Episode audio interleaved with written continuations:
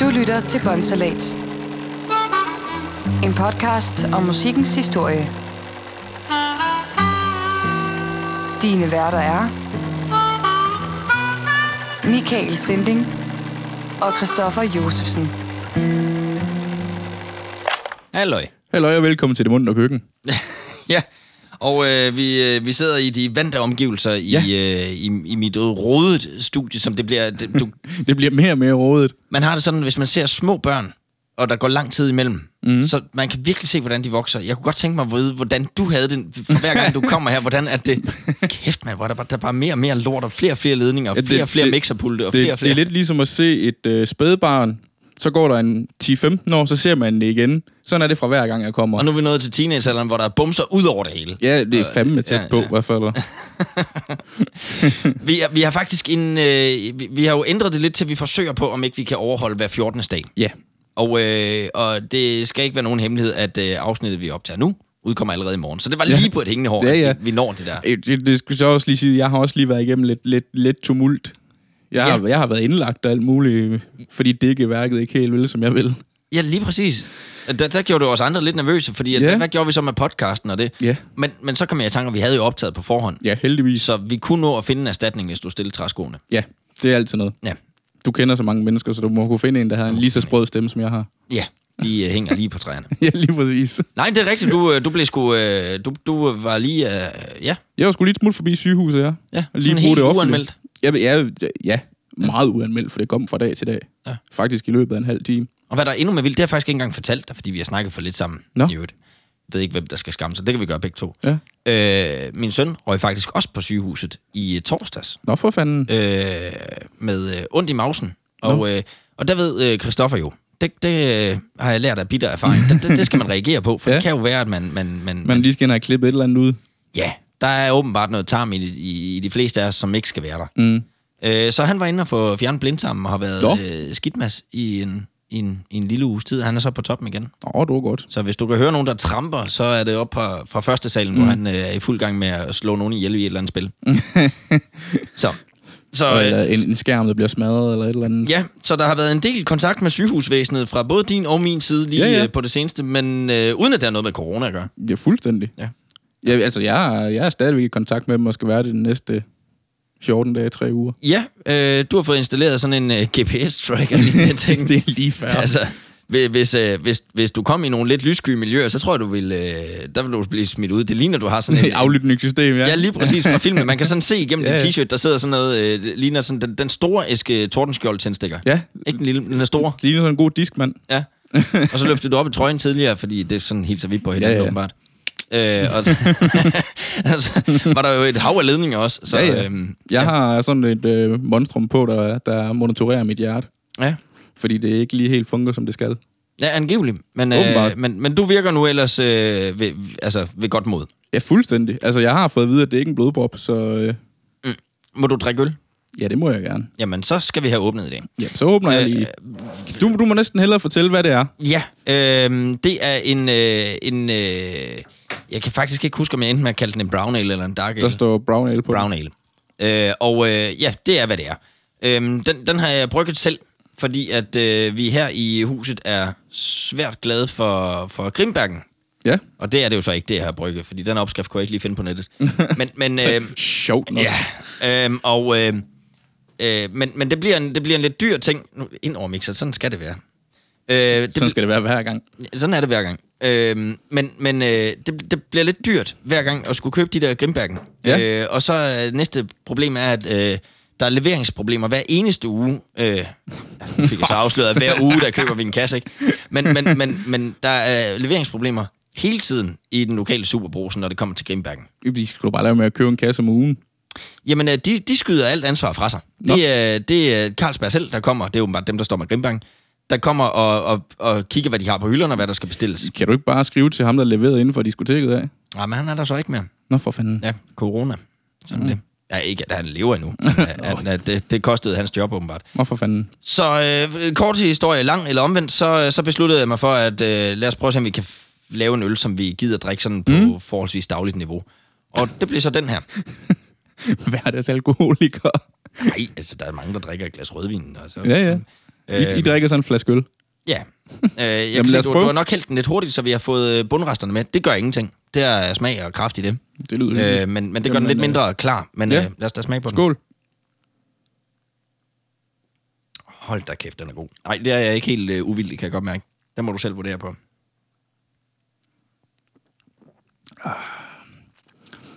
Jeg kunne da godt drikke en flaske af. Men så er det godt, vi har Eller to tre. herinde. Den smager sgu godt. Ja, jamen jeg er også øh, svært glad for den, så jeg vil prøve at se, om jeg kan gøre mig selv kunsten efter. Ja. Øh, problemet er, at de noter, jeg lavede, da jeg lavede den, øh, kan ikke øh, lige pt. finde, for de skulle ligge herinde i det her studie, og så kan du prøve at kigge der rundt, hvordan, hvor, hvor den så inde ligger. Held og lykke. Lige præcis. Men, øh, men, men øh, Jeg tror, du har bedre sandsynlighed for at finde kuren på corona inden. det kan godt være. Men øh, den, øh, den, den er også kun lige blevet, øh, blevet, blevet, øh, blevet voksen. Mm. Eller moden, eller øh, færdiggæret. Ja, Så øh, det er Så- du skulle lykkes meget godt med. tak for det. Hvor kan så, man købe den? Jamen, øh, man kan ringe til mig på 22 70. Så, nej, okay. Nå, men øh, vi, øh, vi skal også snakke noget musik. Nu har vi allerede nu øh, kørt i selvsving Ja. i, i 6 minutter. Ja, lad os komme i gang. Øh, Du har ikke vil sige, hvad vi skal snakke om. nej, øh, det er mig, der har en historie. Det har, mange Ja. gange der har det været dig her på det seneste, fordi at jeg ikke har Haft tid. haft tid. Altså, det er jo også noget pjat. Det er jo prioriteringsspørgsmål. Men øh, det, der har du alligevel øh, kunne levere. Ja. Så, så nu var det mig, der lige skyldte mm. en historie. Og øh, nej, jeg vil ikke afsløre, hvem vi skal snakke om. Okay. øh, som sådan. Jeg vil ikke afsløre bandet, vi skal snakke om. Okay. Jeg vil godt afsløre, hvem vi skal snakke om. Det kommer jeg til lige om lidt. Mhm. Og jeg vil godt afsløre lidt, hvad det handler om. Ja. Øh, det er et band i en identitetskrise. Øh, er de punk? Eller er de rock? Er de pop? Øh, er et band, der gjorde punk til pop? Eller gjorde de i virkeligheden pop til punk? Øh, eller hvad gjorde de egentlig? De fik folk til at øh, tro, de kendte til genren punk. Mm. Men øh, kan man overhovedet være punk, hvis alle kender det? Altså, min hjerne, den knager lige nu for at komme i tanke om, hvem fanden det lige kan være. Nej, men det behøver du ikke. Det, jeg skal nok afsløre det på et tidspunkt. Ja, ja. Men det er sådan lidt, øh, det er hovedtrækkende i, øh, i den historie, der er bag det band, vi skal snakke om i dag. Men det havde været lidt cool, hvis jeg havde gættet det inden. Ja, det kan være, du gør, fordi nu kommer navnet. Og, og, men, men, men, nu kommer navnet ikke på bandet. Men no, på, no øh, shit, Sherlock. ikke på bandet, men på, øh, på, øh, på øh, hovedpersonen ja. I dagens afsnit. Øh, men, altså, ja. Billy Joe Armstrong. Det er meget muligt, det ikke som sådan siger der noget. Jeg må indrømme, at jeg, inden jeg gik i gang, var, kendte jeg ikke hans navn. Mm. Jeg kendte bandet, og jeg kendte musikken. Øh, Billy Joe Armstrong er hovedpersonen i, i dagens historie. Han er guitarist, og han er forsanger i øh, det band, som øh, afsnittet her handler om. Billy Joe øh, så sig selv som en outsider allerede fra tidlig barnsben. Han voksede op som middelklassebarn i en lille by ved navn øh, Rodeo i Kalifornien. Og øh, Rodeo var en ikke en by, hvor der skete en skid, faktisk. Der var ikke rigtig en skid at skrive hjem om. Øh, og var nok mest kendt for, for det olieraffineri, som mm. egentlig sådan fyldte det meste af byen. Well, Rodeo just sucks, you know. I mean, it was it was terrible. It was a terrible town. There's nothing there. There's, there's no movie theaters. There's nothing for kids to do. I remember seeing it spray painted somewhere on the side of this wall, or it said Bordeaux, because I mean, there there was nothing to do in that town. Billy Joe voksede op i en almindelig arbejderfamilie. Hans mor var tjener, og hans øh, far var lastbilchauffør. There was some struggling here and there, but one thing that I learned as a kid, just be thankful for the things that you do have, because there's always someone that's got worse than you. Don't worry about who's got more. Men der var altid musik i familien, øh, og Billy Joes far var nemlig trommeslager i et jazzband. Og i en alder af kun 8, der lærte Billy Joe øh, at spille guitar.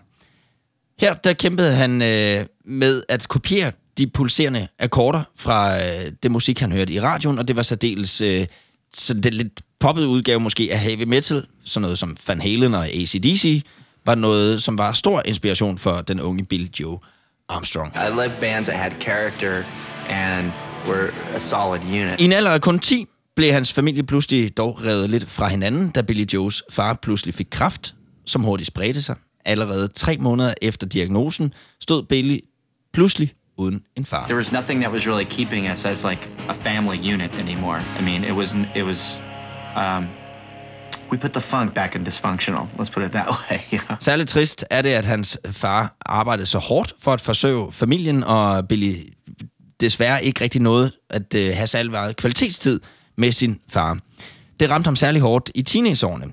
Hans mor måtte øh, arbejde hver aften for at tjene øh, til at forsørge familien, hvilket efterlod Billy øh, og hans søskende til dem selv. Her stod de ofte for at lave mikroovnsmad. Øhm, I øh, fifth grade, eller jeg ved ikke helt, hvad det svarer til, faktisk. Øh, Fifth der- grade? Ja, det er ikke, det er ikke 5. klasse, det er mere.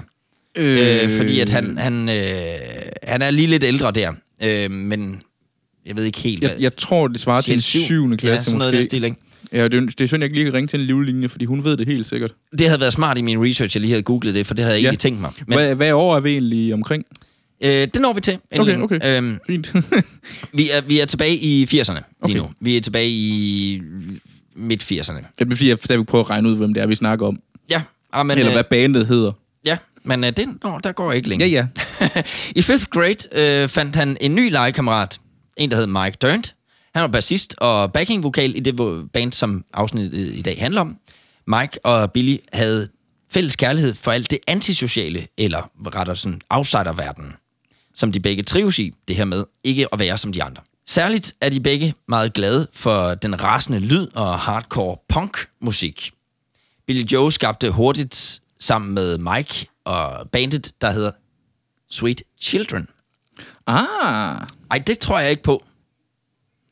Hvad tror du ikke på? Jeg tror ikke på, at du kender dem. Sweet Children. Ja, det tror jeg ikke på. for Jeg gjorde i hvert fald ikke, men jeg kender det band, Jeg de har, hørt, til. jeg har hørt det før. Okay, nej, men du er også mere rocket end jeg er, ja. Så det kan godt være, men Sweet Children var det band, Sweet Children. Det er, det, så stærk er øllen heller ikke. Sød, søde børn. Sødbørn var den navn, som bandet fik. Mm. Og vennerne øh, præsenterede øh, dem hurtigt for en alternativ natklub, eller spillested, kun 25 km derfra.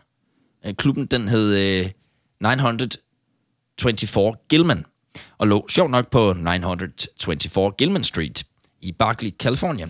Vi skal simpelthen stoppe med at lave afsnit, hvor øh, vi skal udtale de der vejnavne i USA. 924. Gilman-gade. Ja. Ja. Stedet var et øh, gammelt lager, der var blevet omdannet til en klub, som nu husede en masse punkbands og deres fans. Inden for murene på Gilman var der dog en særlig code, eller kode, hvad, hvad kalder man det? Særlig sådan en, et, et regelsæt, sådan en uskreven regelsæt. Codex. Ja, kodex, lige præcis, øh, som øh, man gerne skulle følge. No alcohol, no drugs, no uh, sexism, no racism, no violence. Og det er altså her øh, co-founder Lawrence Livermore, der udtaler, hvad det kodex gik ud på. Altså ingen øh, stoffer, ingen alkohol, ikke noget øh, vold og, og så videre. Det, er- det er faktisk ikke et helt dumt codex. Det kunne vi også godt have brugt inde på diskoteket, i hvert fald i forhold til det der med sex. Ja, også det, det nævner han, og det er ingen, ingen af det. Der var noget med nogen, der på kryds og tværs og skabte noget drama. Ja, i blandt personale. Man må ja. Nok sige, at der er nok mange, der, der, der, der finder anledning til sex på klubber. Og det vil jeg da også gætte på, der har været på Gilman. Og jeg vil da også gætte på, at folk nok ikke har været verden helt øh, appelsinfri altid. Det tror jeg heller ikke. Men vigtigst af alt i det her kodex, ingen store pladeselskaber. Hvorfor? Jo, for enhver musiker, der signer med et stort pladeselskab, betragtes som at sælge ud, og dermed ikke længere være en del af punken. Faktisk bliver du herefter betragtet som en, en fjende ligefrem. Okay, vildt. Et sellout. Så snart du ikke, øh, så snart du kun lever af musikken, så bliver det korrupt, udtaler Lawrence. Gilman var et øh, sted, hvor, hvor outsiderne fandt et form for fællesskab. Og netop det opslugte hurtigt Billy Joe og Mike fuldt ud. Billy og Mikes største mission blev pludselig at få lov til at spille et gig på Gilman. Og intet skulle stå, stå i vejen for dem. I 1987, der fik du så i første årstal. Mm. I 1987 havde den nu 15-årige Billy Joe Armstrong og Mike deres eget band, som hed Sweet Children. Ch- Det kan jeg ikke sige. Ch- Children. Children. Chil- Children. Det skal næsten siges med T. Sweet, eller- sweet, sweet children. Tri- øh, jeg kan heller ikke. Hvad fanden? tager lige et glas af den her. Ja, lige tøm, tøm glasset, så er det, hvad du kan. Sweet Children. Nå, det lød næsten mest rigtigt. Ja. De har skabt det band. Og spillede nu deres egen punkmusik med egne tekster. Men de havde et stort problem. Deres musik blev betragtet som værende for melodisk til Gilman-klubben. Okay. Så måske ikke helt punk nok. Mm. Der var for meget melodi i det, og det, det, der var for meget. Det var måske lidt for sødt alligevel. De hedder også sweet. Jamen, det kan jo også være at tage pis på det hele. Ja, ja. Sweet Children came on and, and played like they were the Beatles at Shea Stadium. It was just incredible. Billy especially just sang his heart out. They just sang like they were already on top of the world, and they were. De fik nemlig lov til det. I 1988, der lykkedes det dem endelig at overbevise Gilmans manager om, at de skulle give en koncert, og de væltede huset fuldstændig. Men da de fyldte 17 år, så følte de alligevel, at de var vokset en anelse fra det her navn, Sweet Children. Ikke at man måske nødvendigvis er så voksen, bare fordi man er blevet 17. Men øh, de følte i hvert fald, at de var vokset fra det navn. Altså, jeg er 30, jeg føler mig stadigvæk som barn. Ja, lige præcis. Det gjorde de åbenbart ikke. De, de, de, de, de skulle have et andet navn. After a while, it just sort of sucked. It was terrible. And then I wrote a song. I got high one time, and I kind of wrote about the way I felt and feeling high. I called the song Green Day. Green Day. Der var den. Deres trommeslager skrev Green Day på jakken, og deres fans elskede det. Om navneskiftet, ja, der fortæller så øh, faktisk Green Day alligevel, at det måske ikke var så super fedt alligevel. So we went from one bad name for to another bad names. I think we- we have the worst name in rock. I really do. I think it's the worst name in the world. Det anede jeg ikke, at de havde det på den måde. Nej, De gik fra et dårligt navn til et andet dårligt navn, angiveligt. Det var det er, deres... da lidt, det er da lidt dumt. Ja. Så hvis du ikke har gættet, så er det altså bandet Green Day, som vi øh, her kigger på i dagens afsnit. Ja, det er sjovt, nu siger du, det er Green Day, ikke? og så, så kommer jeg pludselig i tanke om, når jeg vidste sgu da godt, at forsangeren øh, i øh, Green Day, han hed det. Ja, men det er måske ikke den første klokke, der ringer, når man hører Billy Joe Armstrong. Så mm. tænker man, Green Day, det er nok måske den anden vej rundt. Ja. Øh, jeg må indrømme, jeg kendte ikke til Sweet Children. Mm. Ej, den lød næsten rigtig. Altså, jeg har hørt om det før, og jeg kommer, nu sad jeg pludselig og kom lidt i tvivl, om det måske er Sweet Child of Mine. Ja, lige jeg, præcis. jeg, jeg tænker på, faktisk. Men det var jo også en stor inspiration for lige netop Billy Joe. Øh, altså Ja, den har jo AC/DC. været, været super meget fremme lige på det tidspunkt. Ja, og den type rock var jo også det, der inspirerede mm. dem meget. Skal vi ikke lige høre en, en bid af en af de helt tidlige Green Day-sange? Jo. Det er fra album, der hedder, og at der må jeg så sige, alle deres gamle albums har i min verden nogle super fede titler. Ja. 39 Smooth hedder albummet. Det er fra Green Day, som sagt, og øh, sangen hedder nu At the Library, men originalt, hvilket jeg synes er federe, At the Library with Wabba Se Watcha. Og det er fandme også indviklet. Ja, men den lyder sådan her. Mm.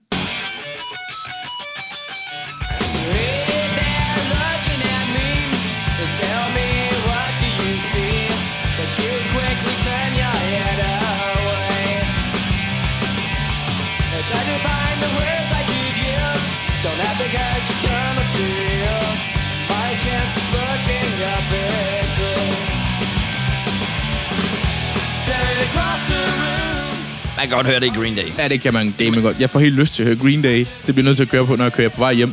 Det, det synes jeg er en god idé. De har lavet ekstremt meget musik. Man kender jo en, ja. Ja. en håndfuld af dem. Øh, og, og det er der jo en grund til, selvfølgelig, mm. at vi gør. Men, men øh, man, man kan godt høre, at det er en, det er en lidt grøn udgave af Green Day. Det er de nye. Ja. Øhm, og det var de absolut også. Altså, jeg, vil- jeg vil sige, der er stor forskel på at høre den der, mm. og så høre for eksempel øh, eventuelt Boulevard of Broken Dreams, eller, eller American Idiot, som nok er lidt senere, ikke? Ja, den er meget senere. Mm. Vi er i øh, 1989, der udkommer så det første album, og det var det her, øh, 39 Smooth. Det første album fra Green Day blev udgivet af Lockout Records, et øh, indie, altså et uafhængigt pladeselskab, ejet af Gilmans klubbens co-founder, netop Lawrence Livermore. Mm. Albummet det blev produceret for mindre end 700 dollars, lige under 5.000 danske kroner, og albummet 90, øh, eller 39 Smooth var noget, øh, som de nu kunne sælge til deres venner. Men for både Green Day og Lock- Lockout Records var der ingen ambition, håb eller tro på nogensinde, at det her det skulle blive stort og kendt. Det var, Jeg- ja, Jeg kom egentlig til at tænke på øh, det der Gilmore mm. øh, øh, spillested der. Gilman. Gilman. De må jo egentlig sige, at de har solgt ud nu. Vi, vi, De lever pænt meget af deres musik i dag. Vi, vi, vi kommer lidt omkring det, Okay, tænker jeg. fint, Øhm, jeg tænkte bare, det var en tanke, der slog Ja. mig. det, det kunne de have gjort, tænker jeg. Det gør de ikke. Okay. Øhm, for resten af, af verdens musikindustri kiggede der heller overhovedet ikke i deres retning, faktisk. Mm. Øh, så, så det var altså, det var småt på det her tidspunkt. De fik lavet det her album til 700 dollars, og, øh, og havde nu noget, de kunne sælge til venner og bekendte. I 1990 forlod deres trommeslager bandet, og derfor tog Billy Joe til øh, Gilman Street for at finde en, der kunne tage over. Her fandt han, faldt han så over en øh, femårs veteran på stedet. Tree, udtales øh, Trey, tror jeg nok i virkeligheden. Øh, Trey Cool. Det er også det er fedt navn. Ja, det lyder fedt. øh, jeg tror, jeg er ikke helt sikker på, at efternavnet, det staves også som i Cool. Øh, jeg er ikke sikker på, at han er døbt det. Nej, det, jeg, tror, det, jeg tror også, det er artistnavn. Ja, jeg ved ikke, hvad han så fald skulle hedde, men, men Trey Cool, Han var larmende, han var flabet, han var uopdragen, han var nedgørende over for kvinder, han var nedgørende over for mænd, han var nedgørende over for dyr, han var nedgørende over for Billy. Derudover så tog han stoffer, dope, syre og andet godt, Shit. så de blev hurtigt venner. What the fuck? Ja, lige præcis. Nu med Trey. Han, lyd, ja, han lyder som en rigtig guttermand. ja, lige præcis. Der, jeg tror, der er gang i den. Der sker noget, når han er der. Men er det det samme tromslag, de har i dag? Ja. Og det forklarer en del. Ja. Fordi jeg har, altså hvis du ser videoerne for eksempel fra, øh, nu har jeg, jeg har set for eksempel American Idiot-videoen rigtig mange gange. Trommeslageren, han ligner også en, der er fucking psykopat. Det er han også. uh, vi kommer til en historie lidt senere også, Okay. uh, som han selv lige får lov til at fortælle. ja.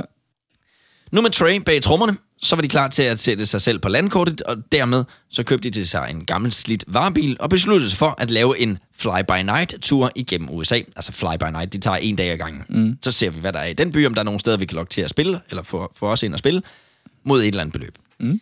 Øh, og det lykkedes ikke rigtigt at få noget beløb for at spille, mm. men øh, de, de kunne så alligevel få det til at løbe rundt. De spillede øh, alle steder, hvor de kunne få lov. Spillesteder, skaterparker, kælderfester. Og ved at sælge hjemmelavede t-shirts og album, kunne de lige nøjagtigt skaffe penge nok til at betale benzinen og klare sig videre på den måde igennem landet. Just because there's no promoter, just because there's no um, agent or a manager or a huge record contract or um, or a tour bus or even a place to sleep for the night does not mean that you can't be doing this on your own. De overnattede, hvor de kunne. Nogle gange i bilen, andre gange i forladte huse, andre gange til den fest, hvor de måske har spillet i kælderen i virkeligheden. Mm. Og, øh, og der når vi til ham Trey her. Han fortæller om et mm. sted, hvor, hvor de overnattede. Der var fuldstændig proppet med mennesker, der sov overalt. Okay, Der var ikke engang et tæppe ledet, hvor han kunne lægge sig. vildt. Så han lagde sig ind til hunden.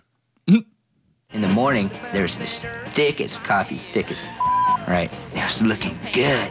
There's no milk or anything, and I like a little milk in my coffee. So I started looking at that dog, the mom dog, with the big old engorged breasts that she had, and then I milked the dog into the coffee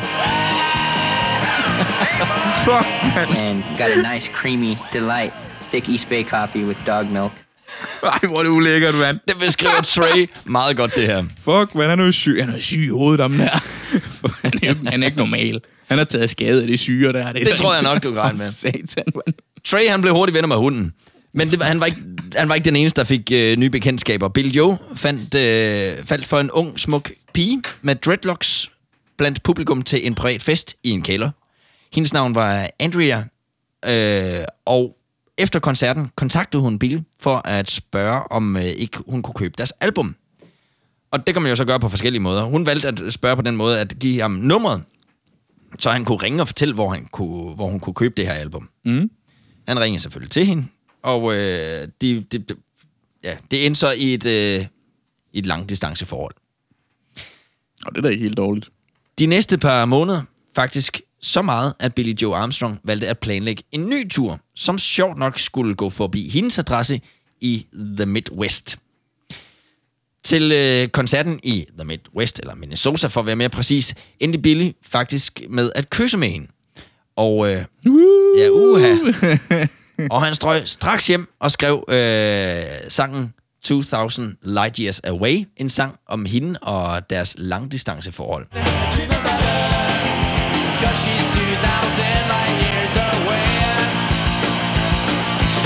I 1992 udgav Green Day deres andet album, Clapunk, eller Kaplunk. Kaplump. Hvordan fanden er det, det skulle udsættes? Kaplunk. Sådan der. Ja, det, jeg tror, det, det er. Ja, Kaplump. ja. K-E-R. K, ja, det er et bogstav. Åh, godt for dig i dag, Hold hva'? kæft, mand. K-E-R-P-L-U-M-K. Kaplump. ja. Det, er- det er nogle super fede albumnavn. Jeg elsker dem. Mm. Øhm, det endte med at sælge 70.000 plader. Og det er da ikke helt Et dårligt. vanvittigt antal for et lille indie-pladeselskab, uden nogen form for distributionssystem. Altså, det er ren mund til mund, det her. Åh, det er vildt. Det er vildt. Kerplunk came out, we ended up doing a tour, and something happened. Our shows were getting pretty big. People were singing along to our songs, and we were like, whoa, you know, where the hell did this come from? So many people would come up to us afterwards going, man, where can I get your record? You know, it was just becoming more and more apparent that uh, we were playing to more people than our records were getting to. Green Day var altså nu ved at vokse ud af det punkfællesskab, som de ellers var blevet skabt i. De stod nu ud over øh, for en svær og måske deres største beslutning. Skal man forblive lille, eller skal man glide ind i mainstream-universet og dermed forråde alt, hvad punkkulturen ellers står for og tror på? Altså, de going for the stars. Øh, Det var, det var dit råd til dem, eller hvad? Det var i hvert fald det, de Nej, gjorde, det kan man altså, jo så sige. Altså, man kan jo sige, altså, det, det er jo bare, om de skal vælge at blive tro mod det, som de tror på i, for, i punkmiljøet, eller de skal gå for the stars.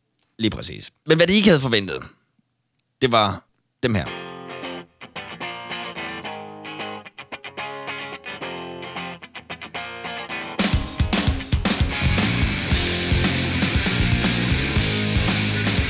Det er selvfølgelig Nirvana. Ja, ja. Kurt Cobain. Lige præcis. Smells Like Teen Spirit. I 1992 havde øh, Seattle-bandet Nirvana ryddet forsider og tvunget punk-rock på alle de store pladeselskabers læber. Altså, ja. Det, det, det er lige før, jeg vil ønske, jeg havde været, været ung på det tidspunkt, hvor det kom frem. Fordi, øh, like Har du teen også? spirit... Hvad? Det har du også. Det har du været meget ung. Ja, jeg var to. jeg var sindssygt ung. Altså, få lige forestille en to år bedre, der sidder headbanger til Nirvana. Ja. der er der en baby på deres øh, Ja. cover, som i øvrigt sagsøger dem i øjeblikket igen. Igen? Ja. Nå, jeg troede, den slag sag var afgjort. Jamen, øh, nej, men han gør det en gang til. Nå, han vil bare virkelig gerne have nogle flere penge for det billede. Åbenbart. Øh, det er jo nok forældrene, han skulle sagsøge, men øh, det er en helt anden historie. Øh, det, der skete, det var Nirvana. Nirvana var en meget aggressiv form for musik, og det, at det pludselig var noget, som mainstream-folket ville høre, åbnede døren for, at punk med et skulle blive det nye mainstream-pop. Jamen, altså, det vil jeg da også... Altså, alle kender jo Smells Like a Teen Spirit der stort set. Altså, øh, Alle. jeg, lige ja. præcis, jeg vil da umiddelbart tro, at hvis du har en lidt houset udgave af det og spiller det inde på en natklub, så ved folk udmærket godt, hvad det er for et nummer. Jeg tror egentlig heller ikke, Nirvana har set sig selv som værende punk, som sådan. Det ved, det ved Jeg jeg, aner ikke. det ikke, aner det ikke. Vi kan, Øh. ikke. vi kan ikke rigtig spørge dem. Det, det kan være et andet afsnit. Eller, vi kan ikke rigtig spørge Kurt Cobain, hvad han tænkte. Nej, det bliver svært. Ham har vi jo også snakket om i et tidligere afsnit. Ja, det var... øh, Klub 27. Ja, lige præcis. Nå. Fra start af har både Green Day og det tidligere band Sweet Children, Sweet Children, det, det bliver jeg ikke god til. Sweet Children. Været Ja, en øh, lidt spøjs blanding af punk-lyd øh, lyd og, øh, og så lidt søde kærlighedstekster i en måske lidt for melodisk lyd. Og pludselig var det som om, at det var det, folk lige pludselig vil have. Fra den ene dag til den anden stod der agenter med forskellige, øh, fra forskellige større pladselskaber efter koncerterne med visitkort til Billy Joe og hans band. Men som sagt, til at starte med, at signe med et stort pladselskab ville være imod alt, hvad Green Day og ikke mindst deres øh, nuværende fans stod for. Punk, det er for outsider, det er dem, der ikke følger mængden, det, er, det, du, du, du, det må ikke blive mainstream. Mm. Det ene pladeselskab efter det andet inviterede dem til LA til møder og middage, men Green Day var ikke interesseret, som i slet ikke. Men de, de sjove flyveture og de gratis middage ville de nu gerne have. Øh, så de var faktisk ofte afsted Det er lidt sjovt. og opfattede det nok mest alt som værende en stor joke. En agent var dog så desperat, at han fik tatoveret deres album Kaplonk, Kaplonk på hans røv. What? Håber, at tatovøren kunne stave det. Det, det er jo mærkeligt. Ja, så, er man også, så vil man fandme gerne signe dem. Ja, øh, ja. Det var efter en tur i Tivoli, og en lille smule druktur, og en god middag, og en flytur, så, øh, så fik han så tatoveret det der på bagdelen, ham agenten der. Mm. Men ikke desto mindre, så var der pludselig en, som Green Day kunne acceptere. Hans navn var Rob Cavallo, og var arbejdet for Warner Musics underselskab Reprise Records. Rob kunne i det mindste øh, selv personligt lide punkmusik, og øh, havde også spillet inden for punkband tidligere. Og de havde mange fælles interesser. Det var som om, at Rob og Green Day på en eller anden måde talte samme sprog. Så i februar 1993, da Rob tilbød Green Day en pladekontrakt, så var Green Day i det mindste villige til at lytte lidt. Og det er altid en god start. Ja, det hjælper lidt, hvis man vil lave en kontakt med Ja, nogen. ja. Så. Green Day stod dermed med en svær beslutning. Skulle man skrive under, eller skulle man forblive underground punk-miljøet? De vidste, at øh, hvis de skrev under, så ville de blive afvist af deres største og nuværende fans. Fordi de dermed var gået over til de andre på den anden side, altså mainstream-folket. havde solgt ud for at bruge deres egen udtryk. Mm. It was kind of like, you know what, if we're going to do this, you either do it all the way or don't do it at all. And so we did. We removed ourselves from the punk community at that point. Så efter to måneder med diskussioner, besluttede Green Day sig for endelig at skrive under på kontrakten med det store forbudte pladeselskab, Warner Music. Godt nok et underselskab af det, Reprise Records. Det blev i april 1993. Og rygtet det spredte sig hurtigt hele vejen hjem til Gilman Street i Berkeley. De blev med det samme afstødt af punkmiljøet, de ellers kom fra. Mm. Men med en pladekontrakt i hånden fra en af de helt store drenge, kunne de altså gå i studiet med noget, de aldrig har haft før, nemlig en kæmpe sæk med penge. Pludselig stod de med et indspillingsbudget på flere hundredtusind dollars.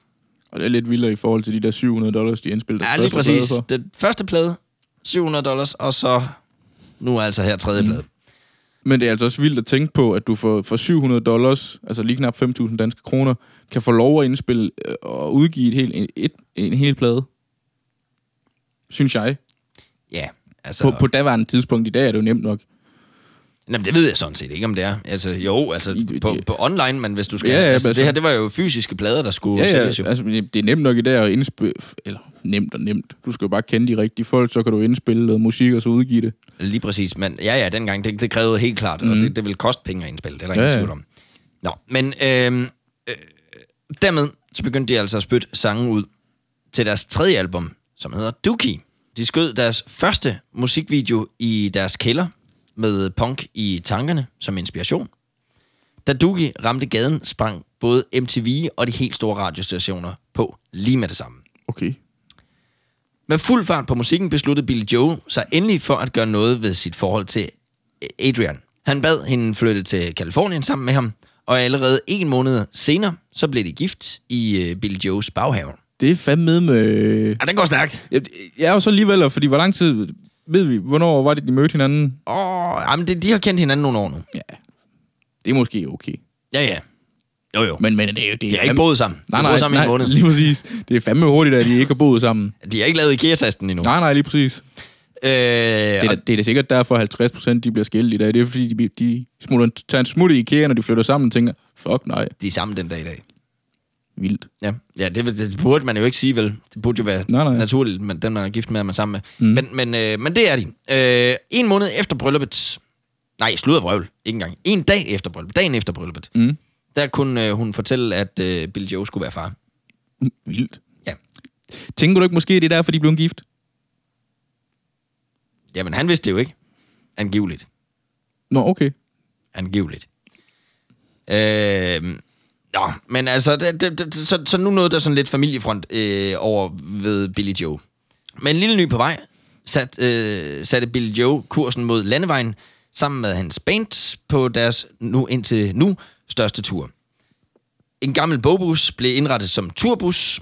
Sommeren 1994 stod de på en af de helt store festivalkoncerter.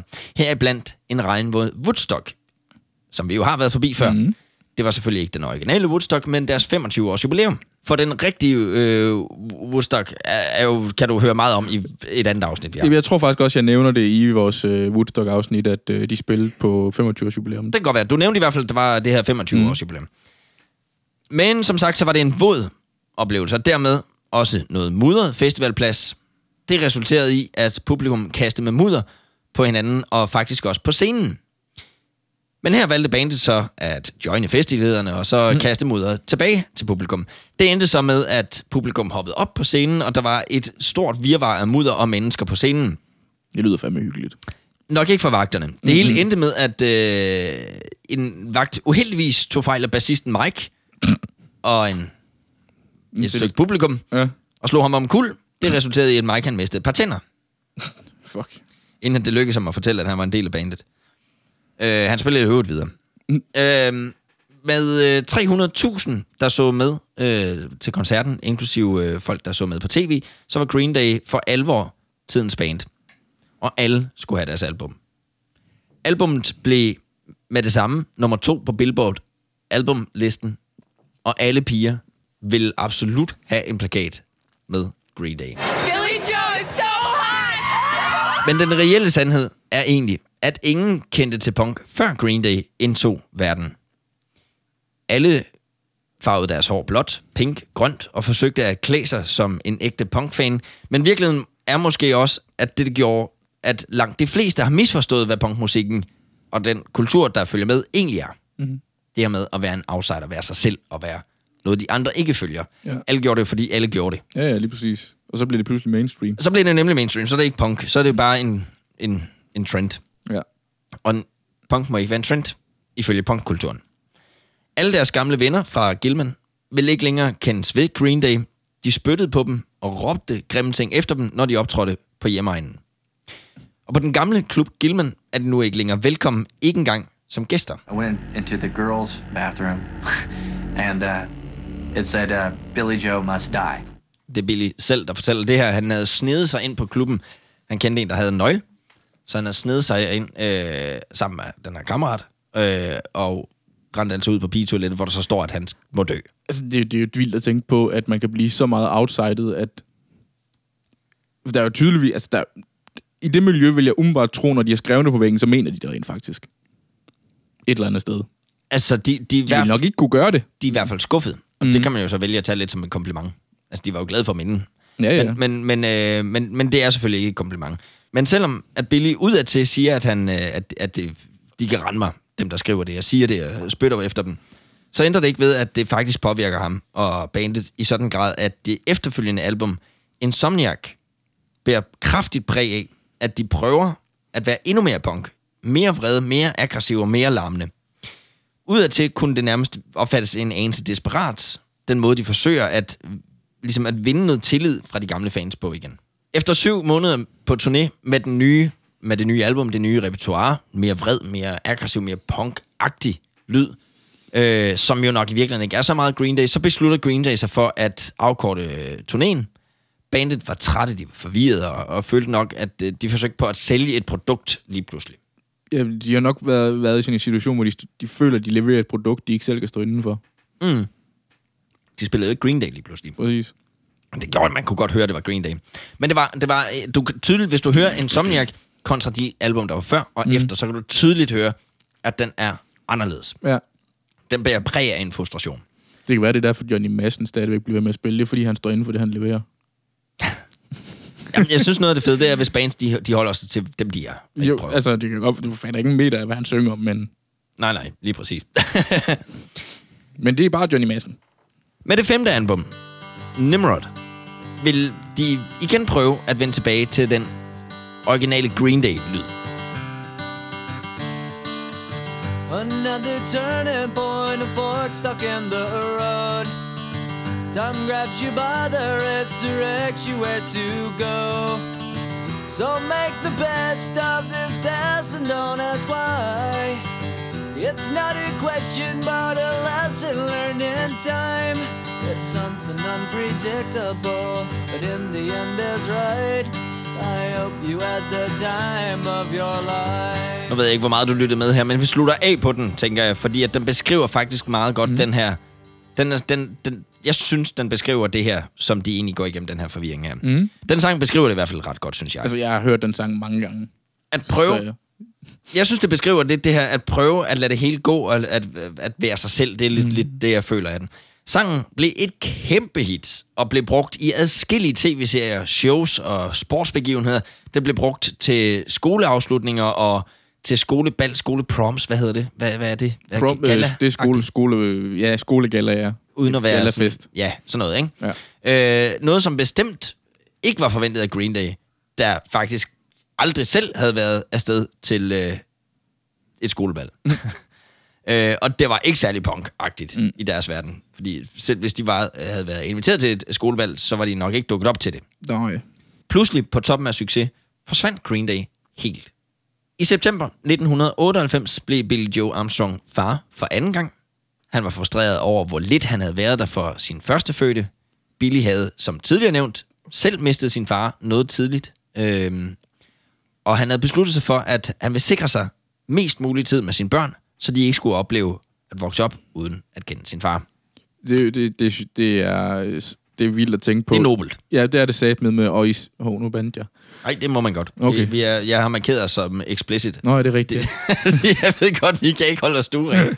øh, Jeg tager lige et glas folkelig øl. Ja, men jeg, jeg, jeg synes, at det er, det er ekstremt nobelt af ham at, at, at tænke så langt. Fordi der er jo mange, jeg tænker, der er mange musikere, der ikke tænker så langt.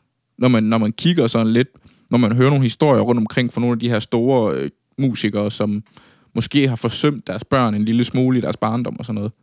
Det er jo en vanvittig svær karriere Mhm. at være familiefar eller familiemor i. Ja. Øh, altså, jeg er heller ikke sikker på, at Madonnas børn har haft en nem barndom. Det, det tror jeg heller ikke.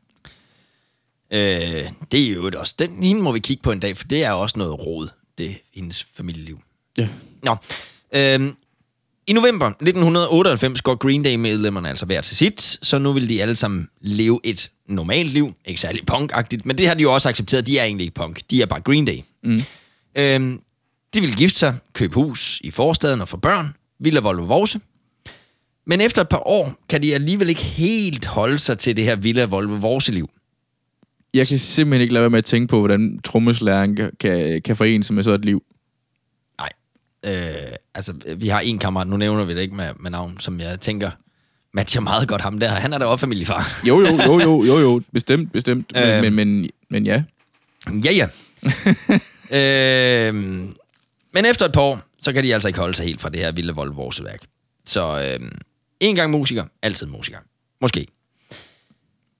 De begyndte at mødes hjemme hos Billy en gang om ugen over en 12 ugers periode, og hver uge så skrev de en ny sang. Let's live life. Don't push it. Wait to be inspired. Just have 12 inspired moments and put them on a CD. I oktober år 2000 udkommer Green Days 6. album. Der er nu ikke længere fokus på at prøve at være punk, men bare på at være Green Day. Et Green Day, der nu er for ældre, voksne mænd, øh, og musikken skal være for musikkens skyld, og det skal ikke presses ud, det skal være inspirationen, når den er der. Men Green Day bliver igen kæmpestor. Masser af koncerter og masser af solgte albums, konerne og ungerne, de bliver puttet i turbussen, og familien er samlet afsted til øh, de forskellige koncerter og turnéer. Det lyder fandme hyggeligt. Derfra i år 2000 er Green Day, ja, der har de fundet sig selv. De har udgivet mange albums sidenhen. Seneste album udkom faktisk i år 2020 og hedder Fathers of uh, All Motherfuckers. Mhm. Ja, de holder fast i at have nogle albumtitler, yeah. der er til at huske eller ikke til at udtale. Øhm, og, øhm, og, og altså, det, alt det her, det er før American Idiot. Mm. Der havde de fundet, og det er jo den, du nævnte for eksempel, og, ja. ja. og der er jo et hav, jeg kunne have valgt så meget musik, og det, kunne, altså, det var en historie, der jo faktisk ikke er slut i virkeligheden. Det, jeg bed mærke i her, var måske det her mere med, hvad det her med den der identitetskrise, som mm. Green Day havde været igennem. Det er den, jeg har valgt at fokusere på, fordi historien er ikke slut i virkeligheden. Det forstår, altså, det er den for i dag. Ja, ja, jeg forstår dig. Jeg forstår egentlig godt, du har taget den del, fordi de fleste kender historien fra efter American Idiot kom ud. Mm. Altså, jeg kan også huske, da den kom ud. Ja. Altså, det var jo et vildt fedt nummer i min verden, fordi jeg virkelig godt kan lide den slags musik. Øh, og, så historien efterfølgende kender folk jo et eller andet sted godt. Måske. I, jamen, Eller jeg de, ved, de kender i hvert fald musikken, der er kommet efter den periode der. de kender musikken, men om de kender al den der fortvivlelse, der har været bagved. Det her med, Det, altså, det gjorde jeg ikke. skal man passe ind? Skal man være dem, man, man, Ja. man startede med at være? Eller er det okay, man switcher? Mm. Start, at, var de egentlig punk, eller har det hele tiden været Green Day, som tilfældigvis passede ind? Et, jeg vil altid følge råd, der hedder, du skal altid være tro mod dig selv. Jo, men hvad gør du, når du har... Altså, der bliver solgt 10 millioner albums øh, af, af deres tredje altså, album, ikke? I min verden, altid være tro mod dig selv, lige meget fucking hvad. Ja. Så længe du er tro mod dig selv og tror på dig selv, så kommer du, skal du nok komme afsted. Men hvor nemt er det at vide, hvem man selv er, hvis der er 10 millioner, der har en holdning til, hvem du er? Det ved jeg ikke, det har jeg ikke prøvet. Nej. Så jeg, det, kan, det kan jeg simpelthen jeg, ikke jeg svare tror på. simpelthen ikke, det er nemt. Jeg har ikke tænkt mig at svare på det i hvert fald. Nej, jeg, jeg tror fandme ikke, det er nemt. Det, det, Det, tror, tror jeg, jeg, altså, det tror jeg heller ikke, det er. Altså, det, det er... Øh, det, er jo, det er jo et pres, der bliver lagt ned over hovedet på dig. Mm. At du skal teknisk set tage en beslutning om, hvad du vil. Ja. Jamen, det er man jo nødt til. Det, det må faktisk være lidt ligesom at gå i folkeskole i dag. Jeg tænker du på, at man skal træffe en beslutning, eller hvad? Nå, jeg, jeg det er har ligesom jo at hørt... gå på Sunset Boulevard for mig. Træffe en beslutning for helvede, man. Alle de valg, man har der. Nå, men jeg, tænker, jeg tænker bare på, at øh, det her med, at øh, de skal tage... Øh, de, de får at vide, om de er studieparate og alt muligt, Nå, Nå, og allerede i 6. klasse eller sådan noget. Nu skal jeg sige, at jeg har ingen børn, så jeg ved det teknisk set ikke, hvornår de skal gøre det, men jeg har da hørt om, at de allerede i en tidlig alder skal begynde at finde ud af på, hvad vil man og alt sådan noget. Det var der sgu ikke, da jeg gik i skole. Nej, det er måske rigtigt nok. Men, men, men, men, men... Og det, det, det synes jeg bare personligt er et urimeligt pres at sætte på et barn. Ja, absolut. Men øh, jeg, jeg, jeg har haft svært ved helt at tage en holdning i den her historie, hvor jeg sådan har Mm. forsøgt under, mens jeg har researchet, hvad synes jeg egentlig selv? Og et eller andet sted, så synes jeg jo heller ikke, at de er ikke punk. Nej, jeg vil, altså... De passer ikke ind i kategorien punk-kultur. de passer måske ind i punk-lyden til dels. Ja, altså jeg vil nok... Altså, jeg, tror- jeg, uden at have hørt alt deres musik, så vil jeg jo sige, at der er sådan lidt... lidt det, er, det er sådan en, en punk-rock mainstream, fordi... Jamen, du kan ikke sige Nej, punk og det- mainstream samtidig, nemlig. Nej, det er det, der er så, det, det der er så problematisk ved det, fordi at, at de har gjort deres form for punk mainstream. Mm. Og, det, og så er det jo ikke længere punk. Nej. Og det, og det er det, der er så mærkeligt ved det. Og det er derfor, jeg startede historien med. Øh, altså, hva- hvad er punk, og hvad er Mhm. pop, og hvornår bliver punk pop, eller er det pop, der er blevet punk? Ja. Ja. For det var jo lige den der tid der, Vi, hvor, må, han, re- hvor vi, vi bliver nødt til at ringe og spørge ham.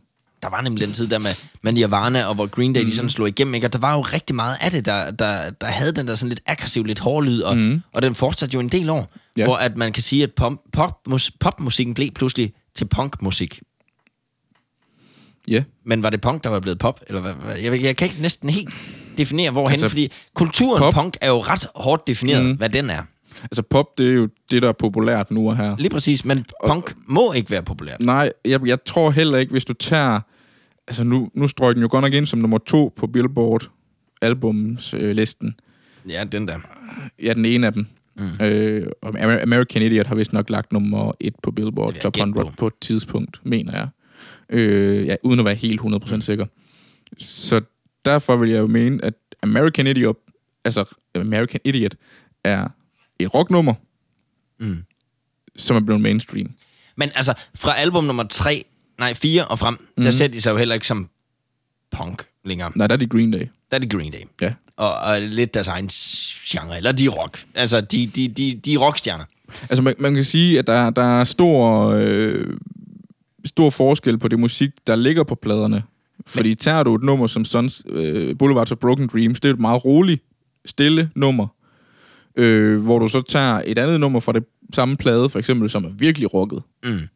Men jeg tror, det, der har været allersværest for Green Day, har jo nok i virkeligheden været, at de selv har stået i den anden lejr og hadet mm. mainstream, fordi det skulle man. Ja. Øh, og, og alt, hvad der var mainstream, alt, der havde signet en kontrakt, var, havde så de også... Øh, lige pludselig stod, så stod de på den anden side. Altså, jeg forstår godt, de har taget det valg, de har taget. Altså, det der er helt, i min verden det helt rigtige valg. I fuldstændig. Altså, i hvert fald karrieremæssigt, om, om de er blevet glade af det, det ved jeg ikke. Det kan, de har sikkert været. De har jeg, hele tiden jeg, jeg, understreget... tænker, jeg tænker, deres bankrådgiver er blevet glade for det. Ja, men som, som de, de har hele tiden understreget, det har aldrig været for pengenes skyld. Mm. Det har aldrig været for pengene eller berømmelsen. Det har kun været for musikken. Ja, og det synes jeg er det vigtigste. Og det er også derfor, at deres tredje album, det går galt. Det der med, hvor de prøver at være aggressive og prøver at være mere punk, fordi så var det ikke for musikken, så var det jo for publikum, de gjorde det. Altså, det svarer jo det svarer lidt til, at Rasmus Seber kan begynde at lave, lave rapmusik. Ja. Er de stærkere, end man regner med? Det ved jeg ikke. Vi mumler mere. Det, det er lidt sjovt, fordi nu snakker vi lige Rasmus Sebak og mm. rapmusik. Han har jo lavet rapmusik før. Har han det? Ja, han har så. Nå. Det bliver vi nødt til at snakke om på et tidspunkt. Det må vi gøre.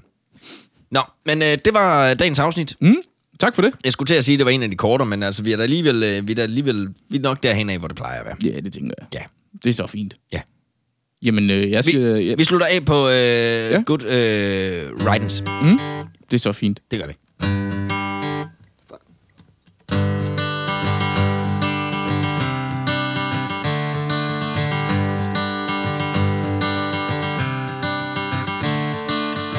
Another turning point, a fork stuck in the road. Time grabs you by the wrist, directs you where to go. So make the best of this test and don't ask why. It's not a question, but a lesson learned in time. It's something unpredictable, but in the end is right. I hope you had the time of your life.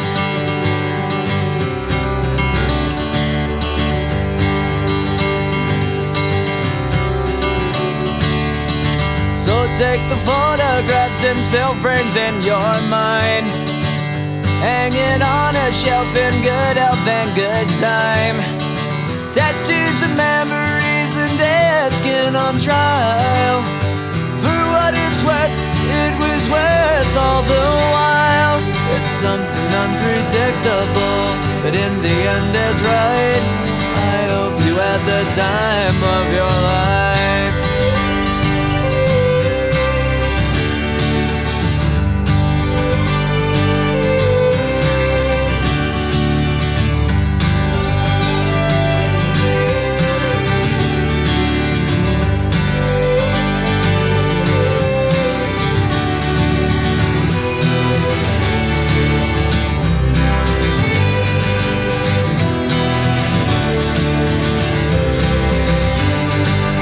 Something unpredictable, but in the end it's right.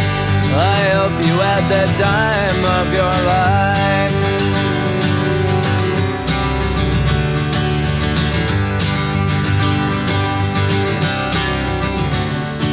It's something unpredictable, but in the end is right. I hope you had the time of your life.